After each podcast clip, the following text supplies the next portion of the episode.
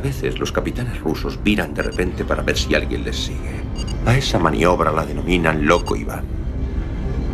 Lo único que puedes hacer es parar en seco tu nave y esperar los acontecimientos.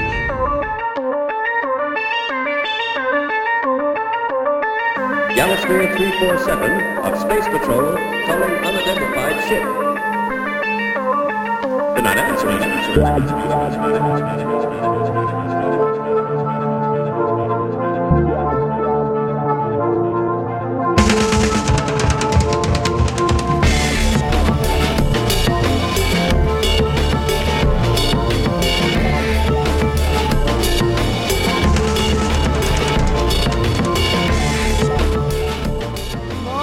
noite a todos e a todas Prepárense para pasar unha hora repleta de aventuras a bordo do submarino nucelar máis intrépido de toda a Unión Soviética.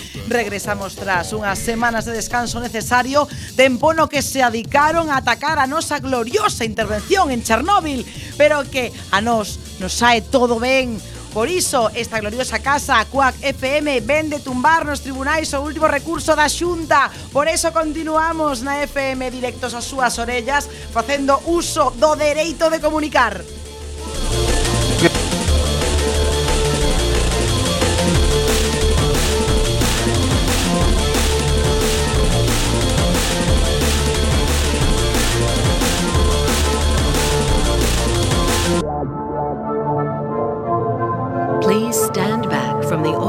Door and wait for the security officer to verify your identity. before exiting the train. Con todo lonxe do remanso de paz do submarino pasan cousas escuras.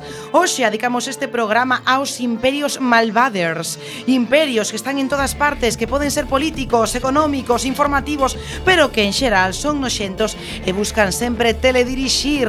Pero un momento, porque ademais vamos a ter, como sempre, noticias, música, relato e a nosa entrevista semanal cun membro de Pandereiteiras sen fronteiras Todo isto non sería posible, xa o saben, se non tiveramos na sala de máquinas ao señor Bugalov Benvido, señor Bugalov, a miña esquerda, sempre a miña esquerda, inda que sexa a miña dereita, está o xefe de torpedos, o camarada Lamelov. Boa noite, camarada, sempre listo. Teño, por suposto, a miña debilidade, o Tovarix Esmendrellev. Boa noite a todas e a todos. Temos unha nova alumna en prácticas no submarino, por favor, como non me quedou todavía ben claro a súa nomenclatura e o seu cargo. Preséntese. Hola, que tal? Son Valentina Mirova e pois non sei, son bolseira de momento. De momento é bolseira, pode seguir así, bueno, se facemos o mesmo que na Voz de Galicia uns 10 anos. Así que vamos aí, eh, saudos para Stajanov, eh, para Beosca, que están en misión especial. Sauda vos a capitana Esbletana Ibarruri, isto é loco Iván. Comezamos. The not answering.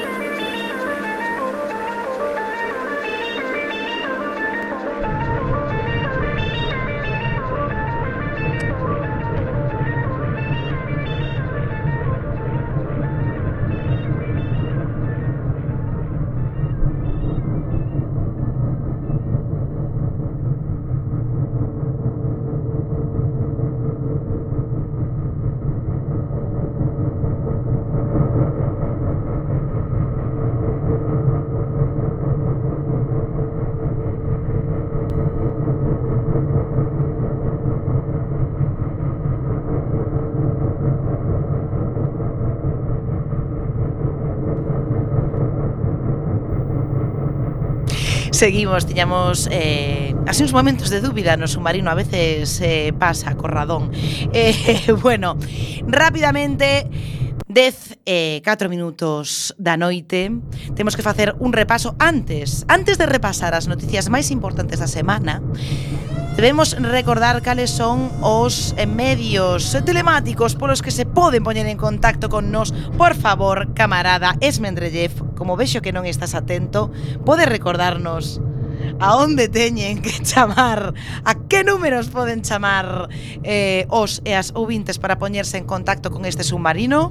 Pois gloriosa capitán Esmetanda Poden chamar o número 881012232 Repito, 881012232 Ou ben utilizar eh, WhatsApp ou Telegram especialmente Telegram, que outro é así unha merda moi capitalista, no 644737303. Repita. Repito, 644737303. Eh, querido camarada Lamelov, eh, que terían que facer se queren insultarnos por redes sociais? Pois simplemente arroba loco Iván Cuac tanto en Facebook como Twitter.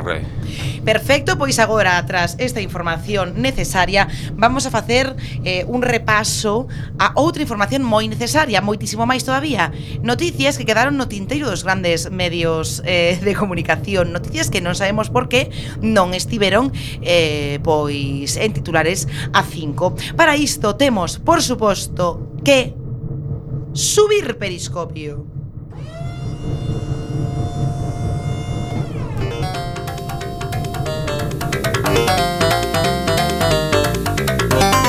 FM. Loco Iván. Periscopio.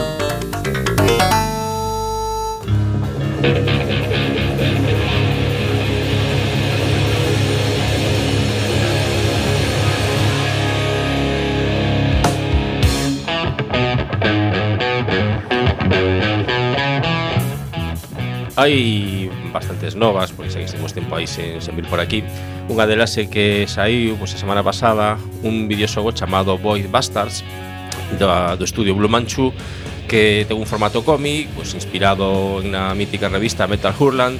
E está deseñado por Jonathan Chey que foi pois, director artístico de System Shock e de Bioshock eh, No more, unha vez more Pois sí, este estivo aí por metido Que é unha mente bastante bastante brillante O videoxogo está moi ben porque ten así unha estética cómic Tipo como se fora pues, unha mistura, xa digo, de Metal Hurlan Que é a serie dos 60 de, de, pues, de Batman e Robin Mm. Eh, logo pois pues, en primeira persoa, pero ten unha parte estratégica, e bastante bastante divertido, sobre todo necesita pensar moito.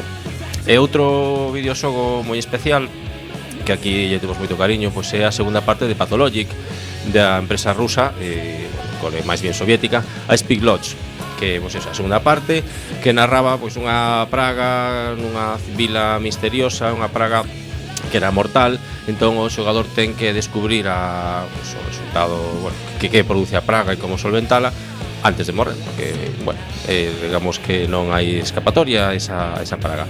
É moi interesante, a historia está moi ben narrada, eh, dos, dos videoxogos estos que son pois moi moi especiais.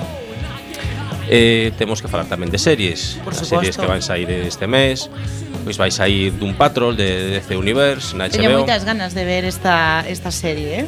Eu tamén, a pesar de que hai xente que non sabe se vai ser boa ou, ou mala Xa sabes que, que un grupo boa. de superheróis que tamén podría considerarse un grupo de, de terapia E volveu o conto da criada coa temporada terceira Que xa, creo que xa saiu o primeiro capítulo. Eu ainda non, non o vin, pero bueno, habrá que ver como, como segue esa historia un pouco así claustrofóbica. E outra serie pois, son os Spookies Que é a HBO Que ten boa pinta, porque fala dun grupo que teñen o negocio De proporcionar terror a quen o precise. Está enviada nun está, digo, ambientada nun país imaginario latinoamericano onde as cousas estranas son coteas, máis ou menos como como este submarino.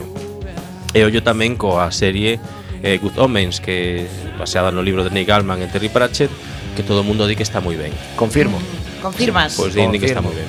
Tamén, bueno, bueno sabedes que sai o e tal, que está ben, ainda que minte nas unhas cousas, pero hai unha calne rusa que están facendo unha serie precisamente sobre Chernobyl que conta que o accidente foi unha sabotaxe da CIA así que Bueno, claro, claro, eu recordo perfectamente, sí, pero estaba, bueno, o que tivemos eu, vin, que facer, vin bueno. Cando o tipo pasaba por ali. O que tivemos que facer, eh, eh, imaginade que eh, de feito Birnarén pois pues, desarrollou Inmunidade, bueno, de iso, de sí. inmunidade, inmunidade, total. inmunidade, sí, sí, sí. sí.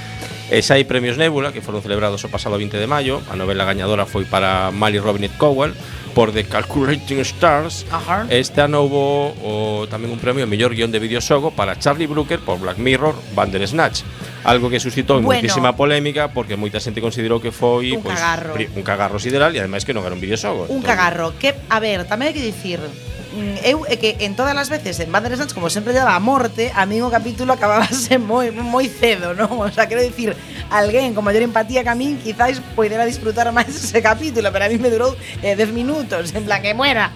Pero que ese era o mellor final que se podía facer con esa tamén serie. E avisar tamén que están de rebaixas de primavera en gog.com, ao portal de videoxogos, que hai cousas baratiñas por poucos escenarios.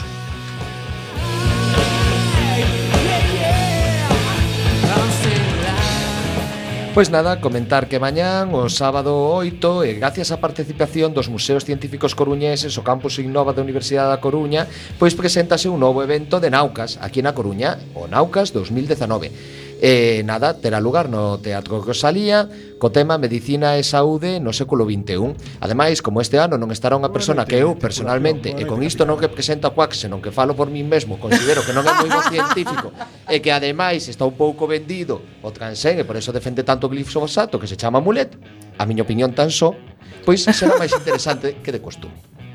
Eh, porque cal é a súa opinión sobre o glifosato? Quero facer unha así un Kit Kat pequeno. Que, que opina vostede do glifosato? E quen é Mulet?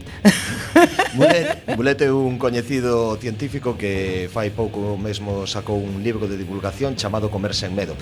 No que di moitas verdades, pero tamén valgue moito para, para a súa casa, non? Hmm. En canto a que penso do glifosato, o glifosato é un pesticida, evidentemente non é inocuo, tampouco é satán, como queren poñer por aí. Un herbicida, herbicida. Non herbicida, pesticida. efectivamente. E o único que hai que ter en conta é que en xeral as prácticas agroindustriais, cando son masivas, se utilizan grandes cantidades propiedades destos herbicidas e outros produtos químicos pois poden ter consecuencias na saúde. Sen entrar en conspiranoias nen, nen Eu bañome todos os días con glifosato. Xa sabedes, esta noite non pidades eh, chupitos de glifosato, isto importante.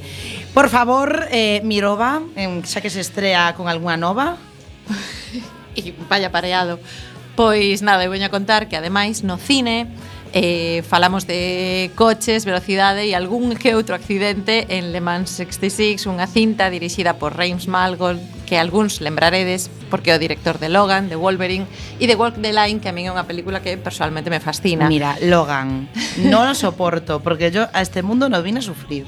O sea, Logan mm, a mí no me gusta porque, o sea, Esa peli todo o mundo di Porque eso é, é, que é, un é moito sufrimento, é, é moito sufrimento. Sí, sí, sí. Que pásase, mierda. pásase mal, pásase es mal. Esto? Pero Walk the Line, que tampouco é unha cousa así, no é sonrisas e lágrimas, eh, a mí parece unha peli que está relativamente ben. Bueno. Eh, bueno, pero volvendo tal, vamos, que dirixe este este bo señor e está protagonizada polo inefable Christian Bale e Matt Damon, vaya por Dios.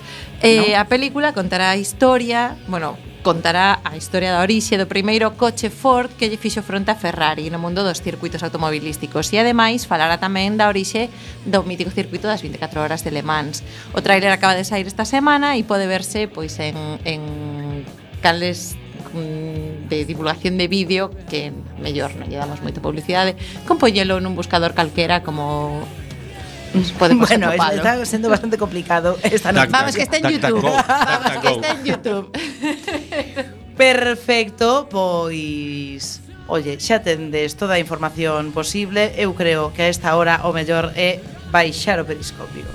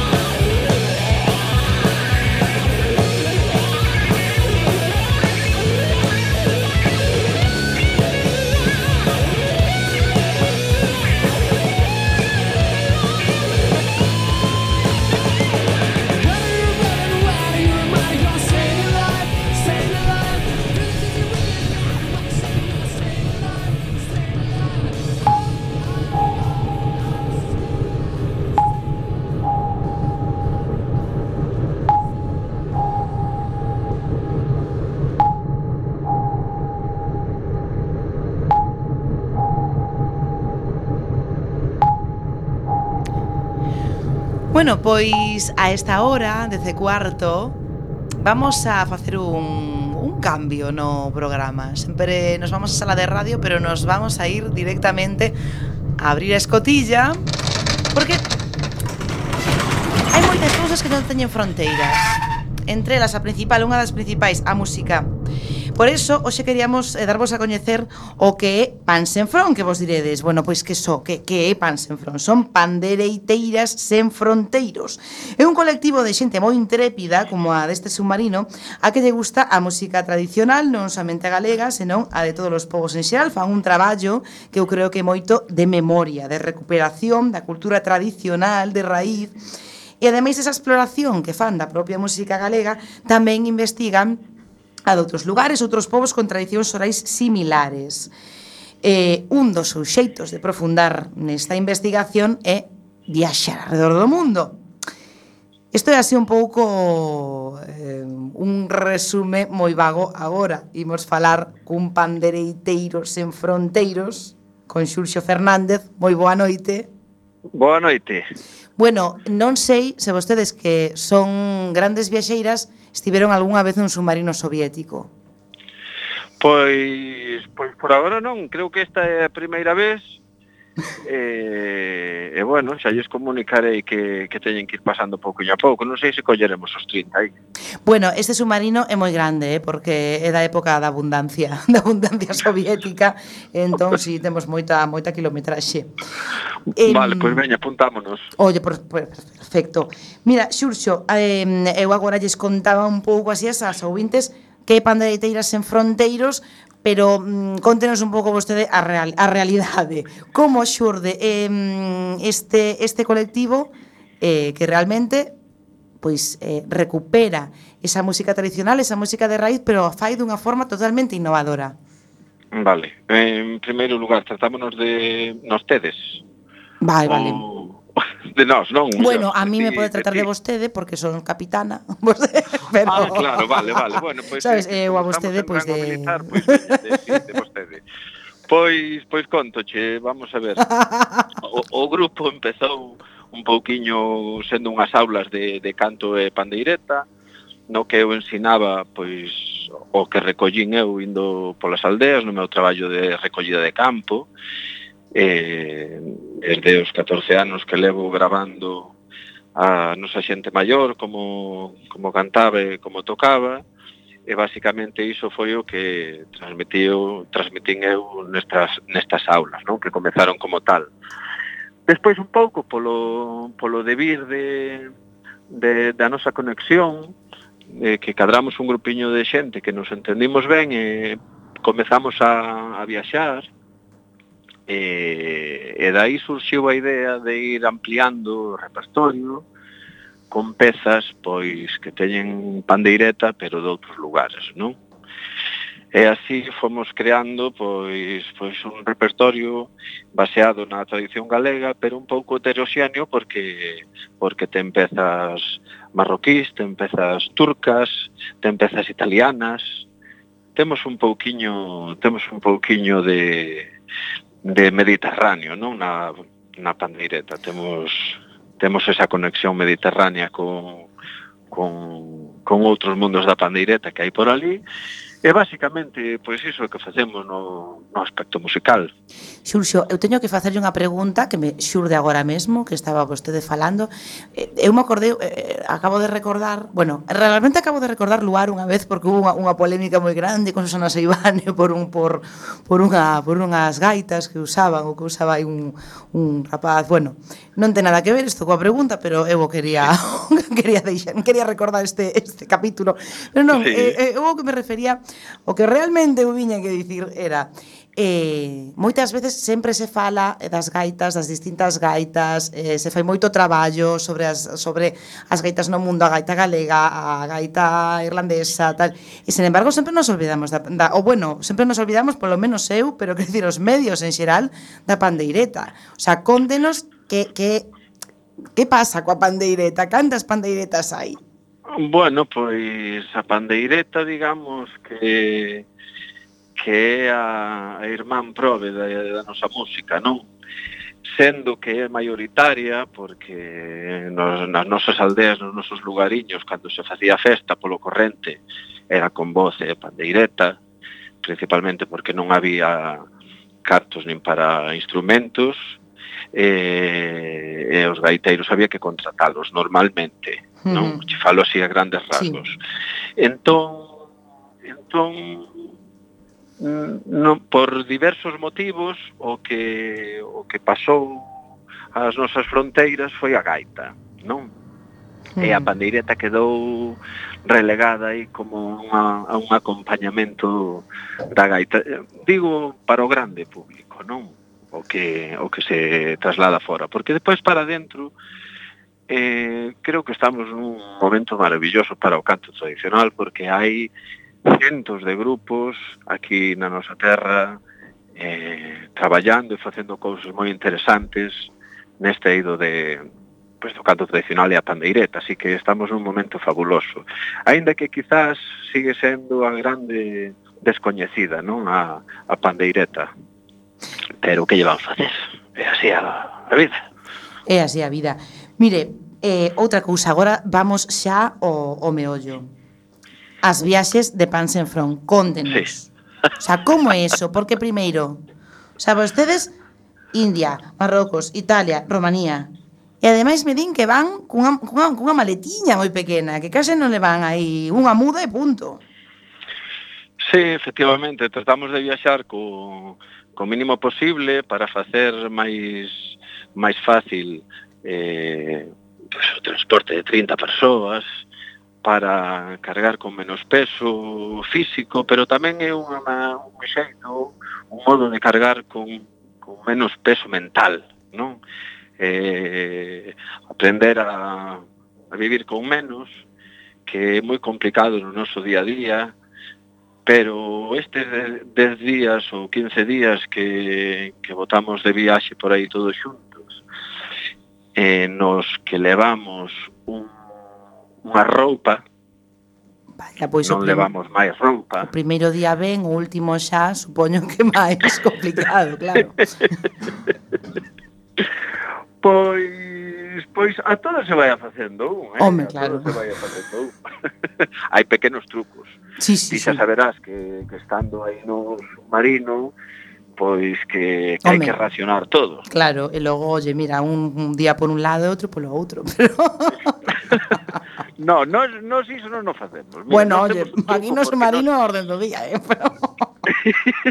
nos temos un truco porque temos unha unha unha rapaza candela dentro do grupo que fai moitas expedicións porque ela é moi aventureira Ajá. e nos explicou que o que hai que facer é que pola noite Ah. Ti te vas bañar, ti te vas duchar e utilizas a túa roupa interior de esponxa e ao mesmo tempo que te lavas con esa esponxa, esa esponxa pois xa queda limpa para o próximo día, téndela ali e o próximo día estreas roupa interior, que che parece? Home, pois isto, ben, é o que se chama poñer a orear. Sí, pero con, con un aire de xabrón, eh? Sí. Tampouco moito porque hai que racionalo, porque a maleta é pequeniña, pero... Claro, pero, pero bueno. imagínese que aquí no submarino non hai forma, porque, o sea, onde tendo? Xa, xa, xa, bueno, soplándolle un pouquiño. Pode ser. bueno, en fin, que, que o que estaba contando é que un pouco a maneira de viaxar é para liberarse de cousas materiais, e para facilitar o movimento de 30 persoas que viaxamos en rumo fixo, porque non levamos unha viaxe programada, senón que sabemos un destino e a partir dese destino pois nos vamos movendo según nos guste o sitio ou non, ou según nos apeteza ou as ou como nos vai saindo a viaxe. Xurxo, e logo amigo que me parece tamén é fascinante, que que vostedes eh, chegan e tocan. Quero dicir, na viaxe, como como van eh, recollendo esa transmisión oral tamén que, que buscan, a parte da parte da, do bonito da viaxe en sí, pero eh, quero dicir, non sei se nos pode contar algunha anécdota que pasa, o sea, chegan a chegan a un pobo, buscan ese pobo, chegan, tocan, alguén to, toca con vostedes. Mira, anécdotas eh, temos moitas, pero o, o máis interesante de, do que facemos nós, baixo o meu aspecto, porque é moi interesante tocar en escenarios, mm. eh, que todos sabemos o que eh, o que implica polas polas posibilidades que tes de transmitir unhas emocións e o de transmitir pois pois unha cultura popular, a esencia dunha cultura popular, neste caso da, da nosa música oral. Cando tocas na rúa, que é o noso caso, exposte a moitas cousas, pero tamén eh, transmites a un público que normalmente non iría a verte un teatro, que normalmente non iría a un festival de música tradicional. Non. Xente que vai pola rúa. Eso ten eh, a parte a parte negativa que é de cando che poñen malas caras, cando cando pode parecer que mm, que te desprecian, non? Pero despois ten unha parte maravillosa que é a xente que se achega a ti que nunca se achegaría a ti por moitos motivos, por unha cuestión de clase, por exemplo, que hai, por unha cuestión de ideoloxía ou por unha cuestión eh, de que non suscitarías nunca o interese desa persoa eh, doutro xeito que non fora coa música. Entón, a partir de aí, nós temos moitísimas anécdotas, como non, eh, pues de xente que de xente que se achega a nos que, que nos invita a participar pois, pues, nunha festa, por exemplo, eh, que ven por nós, eh, que facedes así que, pero vos um, sodes moi alegres, vos tedes que vir a esta festa que hai hoxe pola noite, e, e tocar aquí na miña casa que eu invito a 150 amigos e aquí o pasamos todos fantásticamente. Entón chegas ali, non sabes moi ben onde vas, vas un pouco ali perdido a 50 kilómetros e de repente atopas ter unha casa na que na que, pues, na que hai músicos e, e se montou unha boa, imagínate é bastante intrépido, hai que dicilo, porque, oye, a mí me invitan a casa a 150 kilómetros e, oye, bo, sí, claro, como eu, van moitos xuntos, pues... É outra, é outra das ventaxas de ir 30 persoas. Claro, é verdad, que tes así como vas máis máis valiente. Tem, temos un, un núcleo duro e... Eh, eh, en fin, somos como un pouco como as sardiñas, non? Como os bancos de sardiñas. Efectivamente. Vamos guardando o contorno. Mire, pois eu creo que o mellor para que a xente saiba que teñen que facer, a, bueno, aparte de, eh, por favor, recórdenos nas redes sociais, como poden coñecelos? A xente que o mellor non, non os viu todavía mm, nunha rúa. Pois, pois temos o acrónimo de Pandeireteiras en Fronteiros, que é Pan sen Fron. Sí, sí. Eh, con ese nome, con Pan sen Fron, estamos en estamos en Facebook, estamos en Instagram, a, por, por esas redes podenos a, atopar podenos atopar moi facilmente. Bueno, pois Xurxo, eh, para que a xente se enteire ben do que sí. fai en Front, vamos a poñer mm, vamos a poñer algo que, que se escoiten. Oh!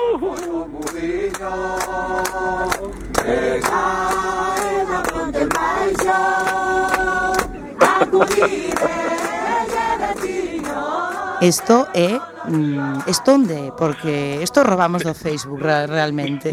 Ai, non teño nin idea. Isto poña que era por Italia. Por Italia, vostedes iban ali por Italia e, ala, e, e aí que foron. Pois, pois pode ser, eh, non sei en que estamos, desde logo non estamos nun, nun estudo de grabación no. ni, ni un escenario polo son que hai.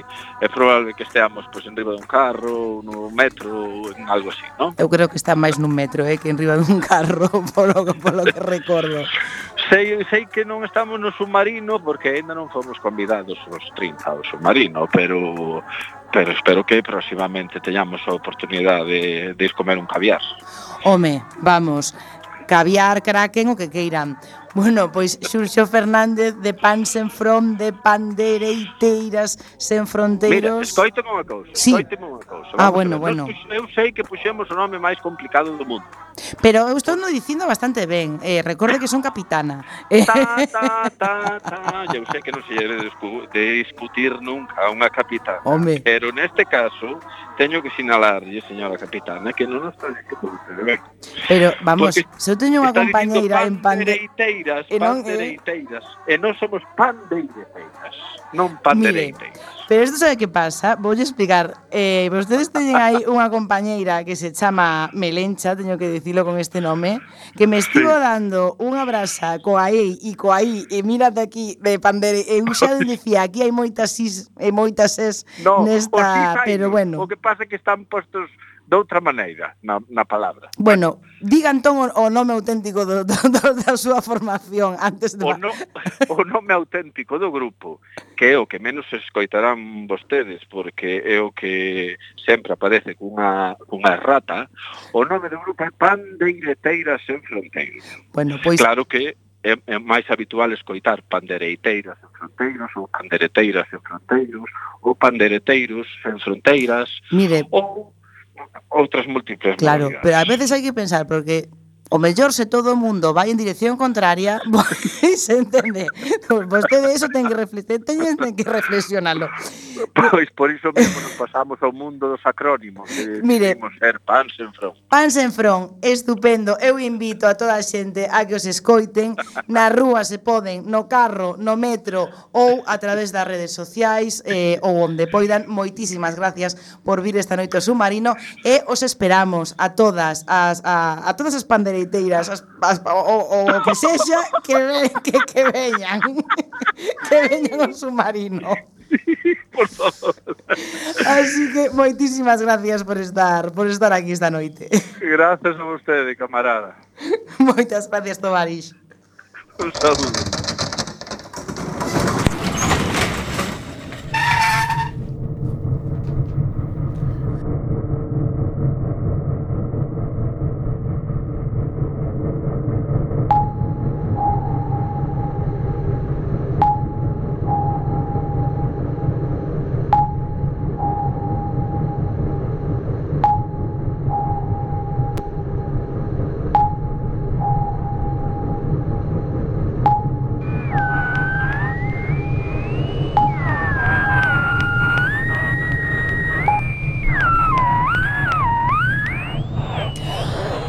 sonido lastimoso quiere decir que estamos chegando á sala de radio.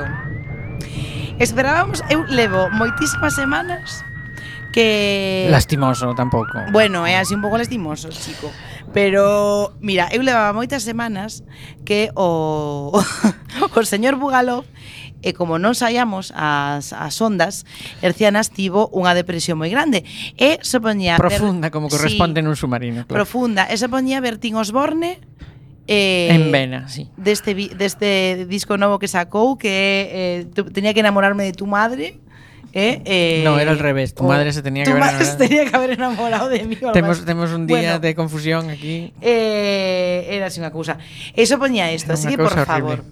Esta noite que falamos de Imperios Maligners, que canción nos vai poñer? Pois unha que pertence a un disco que se chama así. A cual? Imperio Maligno. Evil Empire.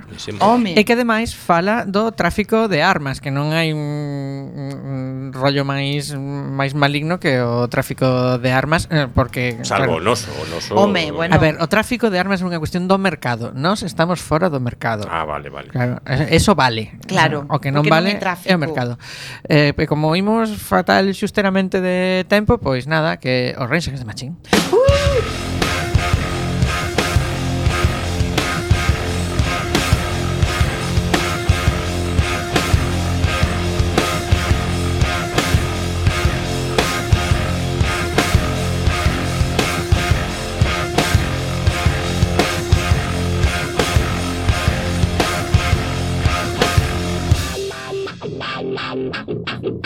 Who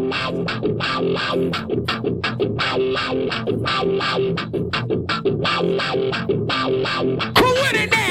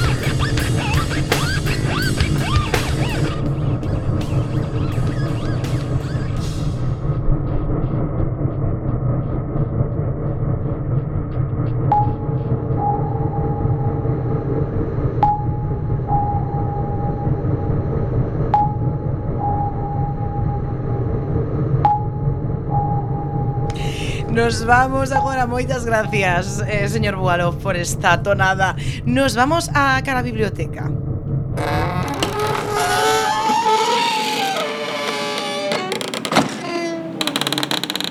Esmendrellev, eh, fai rápido a túa maxia porque íbamos xustos de tempo, así que mm, fai esas cousas que fas, escolle un libro e veña. Pito, pito, corcorito, este de aquí, que claro, victoriano.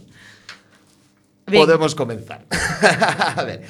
Mirade, pois susto por, por un azar azaroso, apareceume aquí na man As minas do rei Salomón, de Henry Gaider Hagar. Foi escrita en 1885, é unha obra que coñece máis ou menos todo o mundo, fala das andanzas reais de, de Sir Henry Gaider, hasta certo punto, as personaxes que hai ali, porque este tipo era típico colonialista que andaba por aí expandindo o imperio, típico, e abusando, claro. abusando dos Toulouse e de moito outra xente e tal.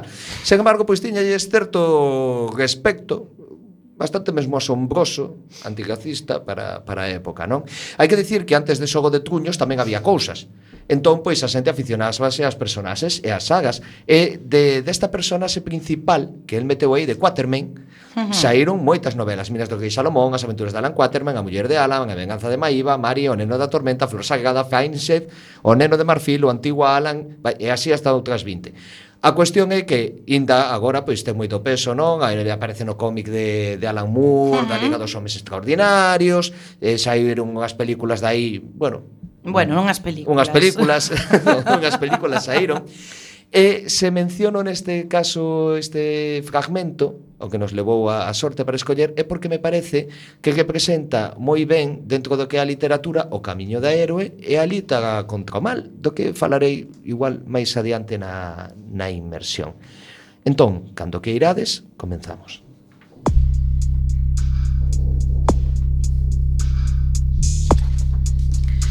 La luna enviaba torrentes de luz que se quebraban en el bosque de sus alzadas lanzas, de sus ondeantes plumeros, cayendo de lleno sobre sus atléticas formas y redondos escudos de diferentes colores. A cualquier lado donde volviéramos la vista, descubríamos fila tras fila de bronceados rostros, cubiertos por línea tras línea de bruñidas moarras. Seguramente el ejército entero se encuentra aquí. No, Makuma-san, solo su tercera parte. Esta es la que asiste anualmente a la danza. Otra tercera ocupa posiciones en las afueras de la población para el caso de que haya algún disturbio al comenzar la matanza. Y la restante de 10.000 hombres para guarnecer los puestos avanzados de Lu, distribuyendo los sobrantes entre los demás Kral del país. Como ves, mi pueblo es grande y poderoso. Guardan un silencio sombrío. Aquellos sobre cuyas cabezas la muerte cierne sus heladas alas callan, mi señor blanco. Callan profundamente. Se matarán a muchos. A muchísimos. Aquí hacemos todo lo grande. Parece que asistiremos a una horrorosa función en la que se economizará, en- economizará la sangre humana. Decidme, Infadus, ¿corremos nosotros riesgo? No lo sé, mis señores. Espero que no, pero no manifestéis temor. Si no morís esta noche, tal vez luego vayan las cosas bien. Los soldados murmuran contra el rey. Mientras hablábamos, continuamos avanzando hacia el despejado centro en cuyo medio se veían varios taburetes y al acercarnos a estos descubrimos otro grupo de personas que desde la choza real se dirigían al mismo sitio. El rey Tuala, su hijo, Skraga. Y ahí está la vieja Gagaula. Y ve detrás de ellos a los matadores. Dijo Infadus, señalando a una docena de hombres de gigantesca estatura y salvaje aspecto, armados con una lanza en una mano y una pesada maza en la otra.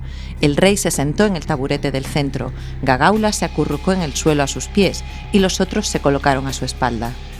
¡Salud, Blanco! Sentaros y no perdáis un tiempo precioso. La noche demasiado corta para los altos hechos que en ella se han de realizar. Venía a buena hora y presenciaré un espectáculo sublime. Mirad en vuestro derredor. Blanco, señores, mirad en vuestro derredor y decidme. ¿Puede la estrella mostraros un cuadro semejante a este? Ved, ved cómo tiemblan temerosos todos los que ocultan su maldad en lo más hondo del corazón. Se encuentran bajo la mano de la justicia del cielo. Principiad, principiad. Las hienas están hambrientas y aullan por falta de carne. Principiad, principiad. Murió el desapacible acento de la vieja y por un corto instante reinó un silencio sepulcral, tanto más imponente cuanto era presagio de una horrible escena. El rey levantó su lanza. A esta señal, 20.000 pies se alzaron repentinamente como si pertenecieran a un mismo cuerpo y asentáronse con fuerza en la tierra, produciendo una especie de estampido. Tres veces se repitió este movimiento y todas tres el suelo retembló. Entonces, en un lejano punto de aquel compacto círculo de hombres, una voz solitaria y lastimera entonó un canto cuya letra más o menos venía a decir ¿Qué es lo que aguarda el hombre nacido de mujer? Sonora vibró en el espacio la respuesta de la vasta asamblea, que contestó a una con esta siniestra palabra. ¡Morir! Gradualmente entonaron aquel canto compañía tras compañía, hasta que por fin el ejército entero allí acumulado formó un monstruoso coro. Imposible me fue ya entender la letra, sin embargo, pude comprender representaban a todas las fases de las pasiones, temores y alegrías del hombre. Ora la cadencia semejaba a la de una dulce cantilena de amor, ya a un majestuoso aire guerrero y por último a una lúgubre canción de muerte, terminada repentinamente por un espantoso alarido que helaba la sangre con su tétrica resonancia. De nuevo reinó un fatídico silencio, interrumpió a una señal del rey por el ruido de las rápidas pisadas de extrañas y pavorosas figuras que destacándose de la callada masa de los guerreros, corrieron hacia nosotros. Al acercársenos, vimos que eran mujeres, en su mayor parte de avanzada edad. Adornaban el cano y desgreñado cabello con multitud de pequeñas vejigas que caían hacia atrás. Tenían pintada la rugosa cara con rayas blancas y amarillas. De sus encorvadas espaldas colgaban distintas pieles de culebra y en derredor de sus cinturas chocaban ruidosamente numerosas rodajas de hueso humano. Cada una tenía en su descarnada mano una especie de horquilla. En total eran diez. Cuando llegaron enfrente de nosotros se detuvieron y una, señalando con su horquilla a la agachada Gagaula, gritó Madre, anciana madre, aquí nos tienes. Bueno, bueno, bueno. ¿Tenéis perspicaces los ojos y sanusis, brujas? ¿Vosotras las que venís en los sitios más recónditos? Madre, los tenemos perspicaces. Bueno, bueno, bueno. ¿Tenéis vuestros oídos bien abiertos y sanusis, vosotras que oís las palabras de la lengua calla, que la lengua calla? Sí, madre, los tenemos bien abiertos. Bueno, bueno, bueno. ¿Tenéis vuestros sentidos bien despiertos y sanusis? ¿Podéis husmear la sangre y purgar la tierra de los malvados que maquinan daño contra el rey o contra sus semejantes? ¿Estáis dispuestas a hacer la justicia del cielo vosotras a quienes he reseñado? ¿Las que han comido del pan de mi sabiduría y bebido del agua de mi magia? Eh, madre, lo estamos. Entonces comenzad. No se tengáis más, buitres míos.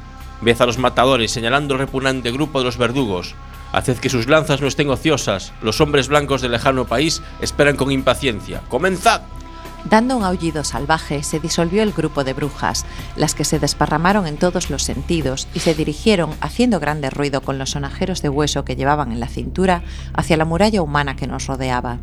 Imposible era seguir los movimientos de todas, así pues, nos limitamos a observar a la Isanusi más cercana a nosotros. Cuando estuvo a pocos pasos de la fila de guerreros, hizo alto y empezó a bailar con desordenada furia, dando vueltas y revueltas con increíble rapidez y vociferando a la par expresiones como estas. Niña, niña, veo al maldito. Cerca, cerca, cerca, envenenó a su madre, mi cabrón. Oigo los pensamientos del que desea el daño del rey. Más y más apresuró la vertiginosa celeridad de sus movimientos hasta caer en tal frenesí que como una poseída arrojaba espumarajos por entre las contraídas mandíbulas, se le saltaban los ojos y le temblaban las carnes. De repente quedóse inmóvil y tendiéndose en el suelo como un tigre cuando va a arrojarse sobre su presa, comenzó a arrastrarse cautelosamente, con la horquilla extendida hacia los soldados que tenía enfrente. Nos pareció que al acercárseles, desvaneciéndose completamente el estoicismo de estos, retrocedían aterrorizados. En cuanto a nosotros, seguíamos a sus menores movimientos, dominados por una invencible fascinación. Mientras tanto, se aproximaba siempre arrastrándose, deteniéndose a veces y señalándonos con su horquilla, como si fuera ya a abalanzarse sobre ellos, hasta quedar a dos pasos de la fila. Entonces, dando un chillido, de un salto se puso de pie y tocó con su ahorquillada vara a un alto guerrero. Inmediatamente los dos camaradas que formaban a su lado agarraron por los brazos al infeliz condenado y lo condujeron ante el rey. El desgraciado no hizo resistencia, pero apenas podía andar. Tenía paralizadas sus piernas y sus dedos. Había dejado caer la lanza. Estaban tan flexibles como los de un cadáver aún caliente. Le salieron al encuentro dos de los odiosos ejecutores y al llegar junto a él se volvieron al rey en demanda de órdenes. ¿Queréis órdenes? Pues matad. Matad. Matad. Antes que las palabras hubieran concluido de ser pronunciadas, la horrible sentencia se había realizado. Uno de los verdugos enterró el hierro de su lanza en el corazón de su víctima y el otro, de una terrible mazada, esparció sus sesos por el suelo. Uno. Dijo tranquilamente el rey, mientras arrastraban el cadáver algunos pasos a un lado.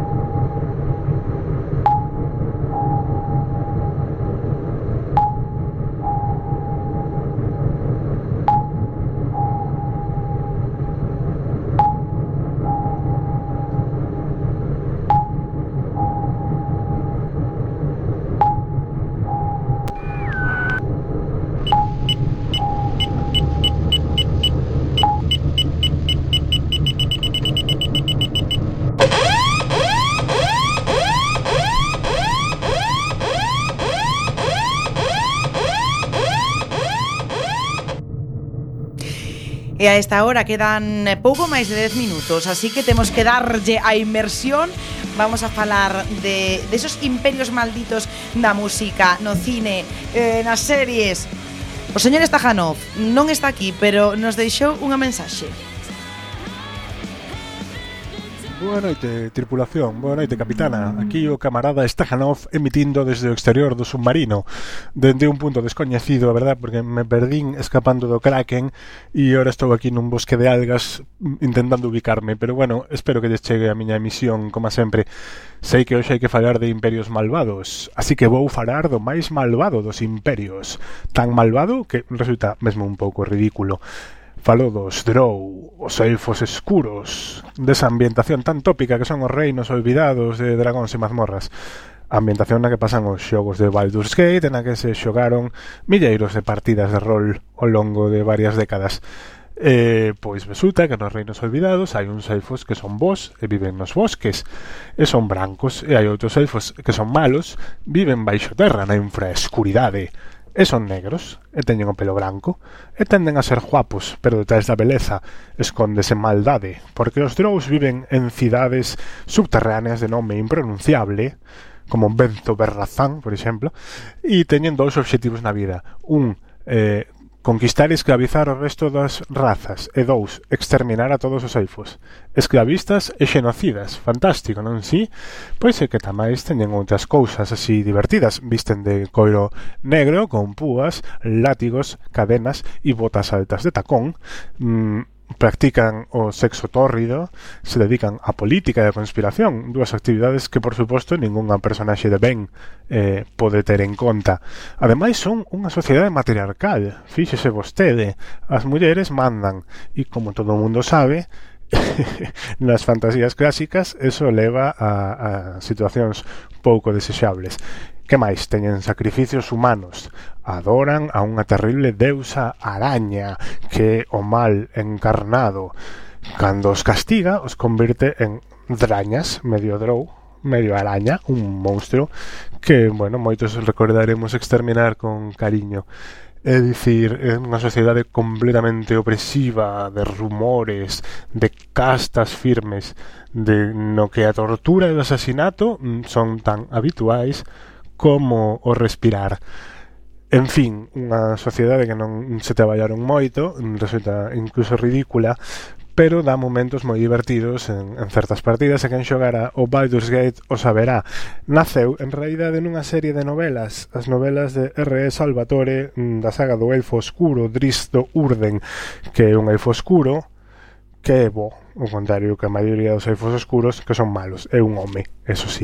Mm, se non al este despois tampouco perdedes gran cousa, pero bueno, é unha saga moi de referencia dos 90. E, e hasta aquí podo ler eh, que, de, que teñen de divertido os Drow que cando ti vivas nun imperio malvado como por exemplo o imperio galáctico como por exemplo Alemania nazi Sempre poderás dicir, bueno, vivo nun imperio malvado, pero podería ser peor, podería vivir no imperio dos Drow. Boa noite, tripulación, vou poner a brújula e a ver se ubico a posición do vosso solar. Vícolos. Dices, Tajanov, tamén podías eh, vivir no submarino, eso sí que é unha tiranía. Eh, Miranova, Miragalla, eh, vostede, eh, vamos, a de Veña, prácticas. Pues, Eh, sigo co fío. Eh, Hai un montón de xente malvada por aí polo mundo E hai xente que chegou ata o século XXI facendo mal Como por exemplo eh, mm, Falamos de persoas déspotas Sin empatía, delatoras Probablemente macartistas ainda por riba feas Que é o peor que se pode ser nesta vida. Como por exemplo Donald Trump Eh, poucas persoas poden ofender e incomodar con tan solo a súa presenza. O cumio da estupidez capitalista, con ese caricaturesco niño de paxaros que leva por pelo, con esa pel corrisqueto, e con ese uso delirante das redes sociais. Convírtese nunha das persoas máis desprezadas pola nosa nai Rusia eh, unha cousa temos que agradecerlle, iso sí, é que volve a ameaza nuclear e algo que a nos nos parece unha gran nova. Home, claro. Eh, outro dos emperadores máis viláns do capitalismo é Mark Zuckerberg, un señor branco como as neves dos Urais e que ten cara de que pasou toda a vida sin comer o seu bocadillo no recreo Eh, na actualidade é o propietario da vida privada de máis de 1.500 millóns de persoas alrededor do planeta e non lle tremo pulso á hora de empregar todos eses datos para vendelos a terceiros. Nos propoñemos a colectivización dos seus servizos.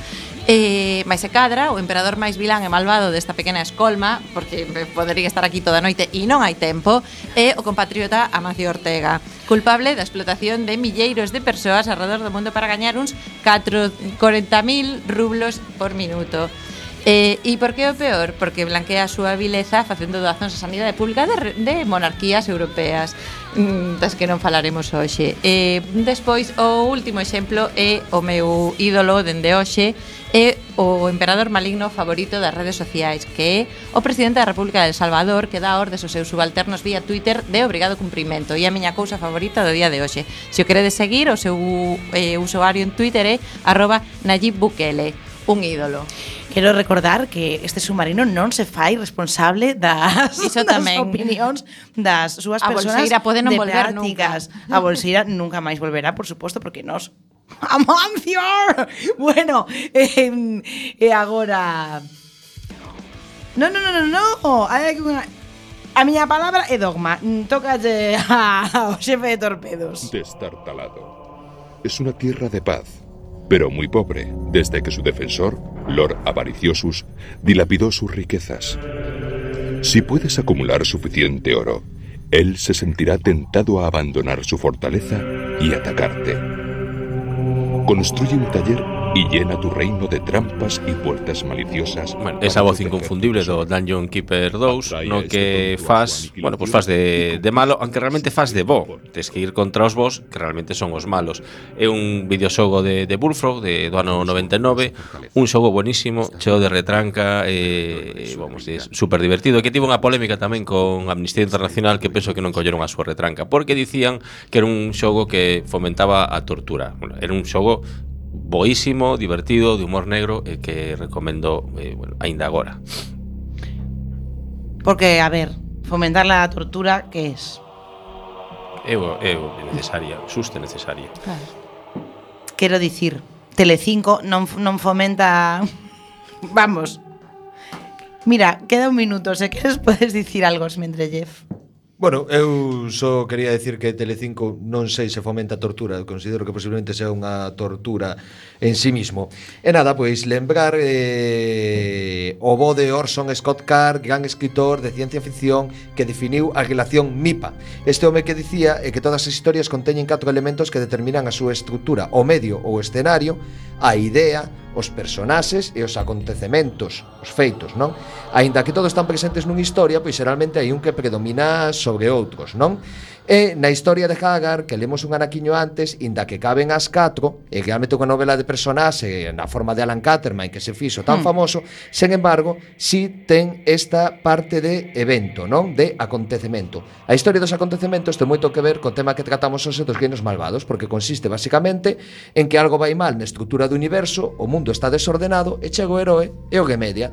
E podemos falar de obras pois moi bellas como o Beowulf, no que un home matou un monstro, a morte natural dun rei as mans do seu irmán, Hamlet, non falo do Reino de España, eh, ou un invitado que asesino o seu anfitrión, Macbeth, un advenedizo eh, que trata de ocupar un trono como en Dune, a reaparición dun bello poderoso inimigo que se quilla morto, como Señor dos Anéis, en todos estos casos o, o período anterior era unha idade de ouro que foi interrumpida volvendo o mundo de revés. Ou como cando que le hagamos un pioleta a Trotsky.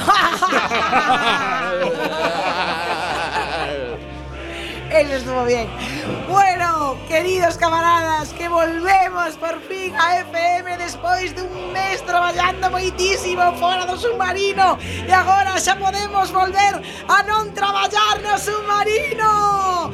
E nada, que vamos volver a semana que ven con máis cousas. E nada, tres segundos, dos